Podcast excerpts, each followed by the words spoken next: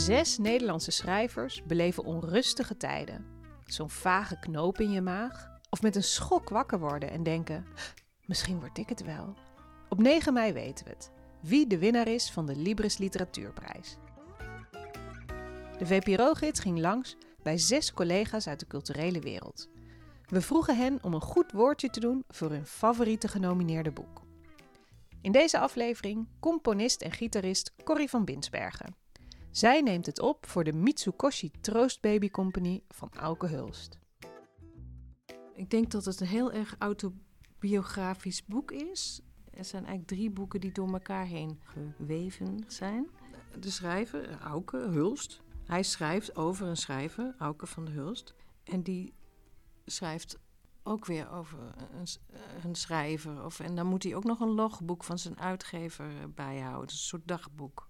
Het, het verdriet wat hij heeft is dat er ooit van zijn grote liefde... die was uh, zwanger van hem... En die heeft een abortus gepleegd. En daar heeft hij toch heel veel problemen mee gekregen in zijn echte leven. En um, in dit boek probeert hij, dat is één uh, lijn die erin zit, probeert hij door middel van een tijdreis, dus eigenlijk in een science fiction verhaal, probeert hij dat te herstellen in het verleden. Dus hij probeert terug te gaan.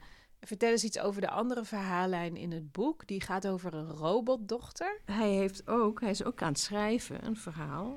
De schrijver Auke van der Hulst, die schrijft een verhaal over een, uh, een, uh, een uh, een nou ja, het is geen baby, het is een meisje dat die adopteert, min of meer. Die, want we zitten in het jaar 2032. En hij gaat uh, naar Japan. En hij, nou ja, dit klinkt iets te simpel. Hij bestelt daar een meisje. Nou ja, dat is Scotty. En dat is dus ook een deel van het boek. Het klinkt heel vreemd en ingewikkeld, maar toch is het raamwerk helder. Ik vind het heel mooi dat je door die verschillende facetten facetten van die personages hoop je eigenlijk de echte Auke te leren kennen. En er zitten allerlei herhalingen in. En die hebben iets bezwerends. Een hele sterk punt van Auke is dat hij, um, ook al is het uh, science fiction, zou onwaarschijnlijk zijn, maar je gaat heel erg mee in zijn verhaal. Je gaat dus helemaal mee met dat personage. En ik vind dat, ik denk dat ik, van Auke dat het, knapste vind of zo. Het spel, wat echt is en wat niet echt is. Uh, ja, ik vind het ook heel ontroerend hoe die met zijn uh, dochter omgaat. Jij kent Auke Hulst omdat jullie in 2019 samen hebben opgetreden. Dat was een, um, een muziektheatervoorstelling, een groter gebeuren. En het grappige vond ik dat dat ook een science fiction verhaal is eigenlijk over het uitsterven van de mensheid. Ja, hij heeft ja, dat. En ook uh, zijn liefdes, uh, het ook een liefdesverhaal is het ook. En eigenlijk ook een beetje dat spel met wat nou, wat is het nou allemaal in zijn hoofd geweest of was het echt dat verhaal?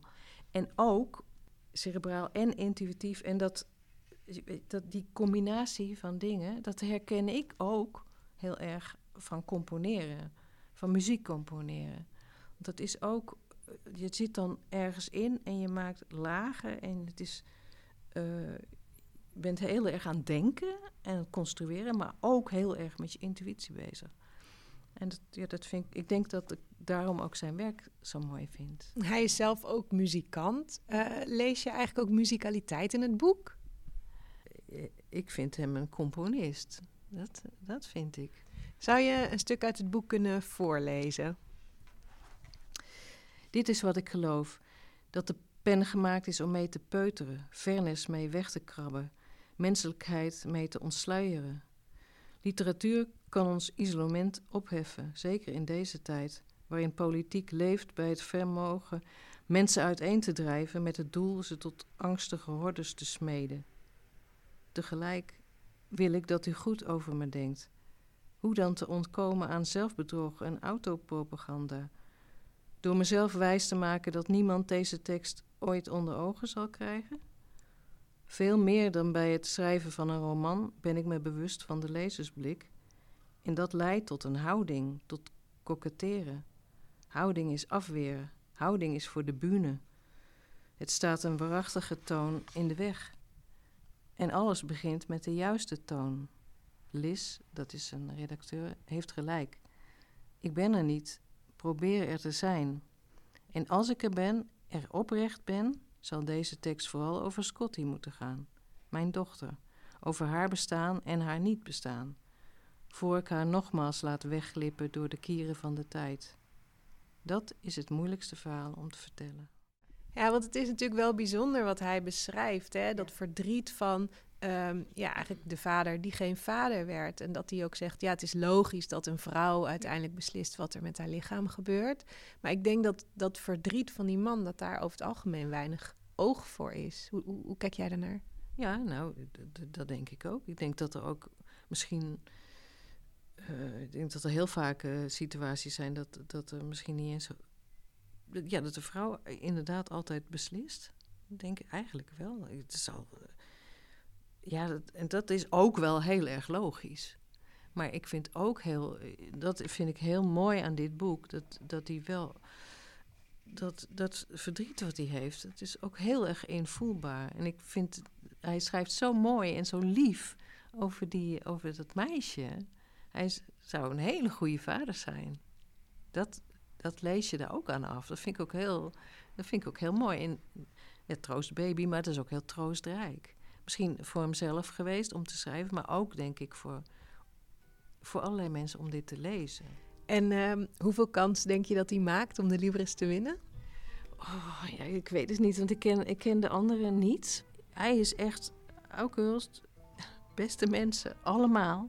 Het is gewoon een hele goede schrijver die veel meer bekendheid uh, uh, zou moeten, uh, ja, moeten hebben. Ik, ik vind dat, dat hij, gewoon ook is gewoon heel, heel mooi uh, verhalen vertellen. Heel goede. Het is gewoon een heel goed verhaal. Ik vind dus dat hij moet winnen. Maar ja, wie ben ik?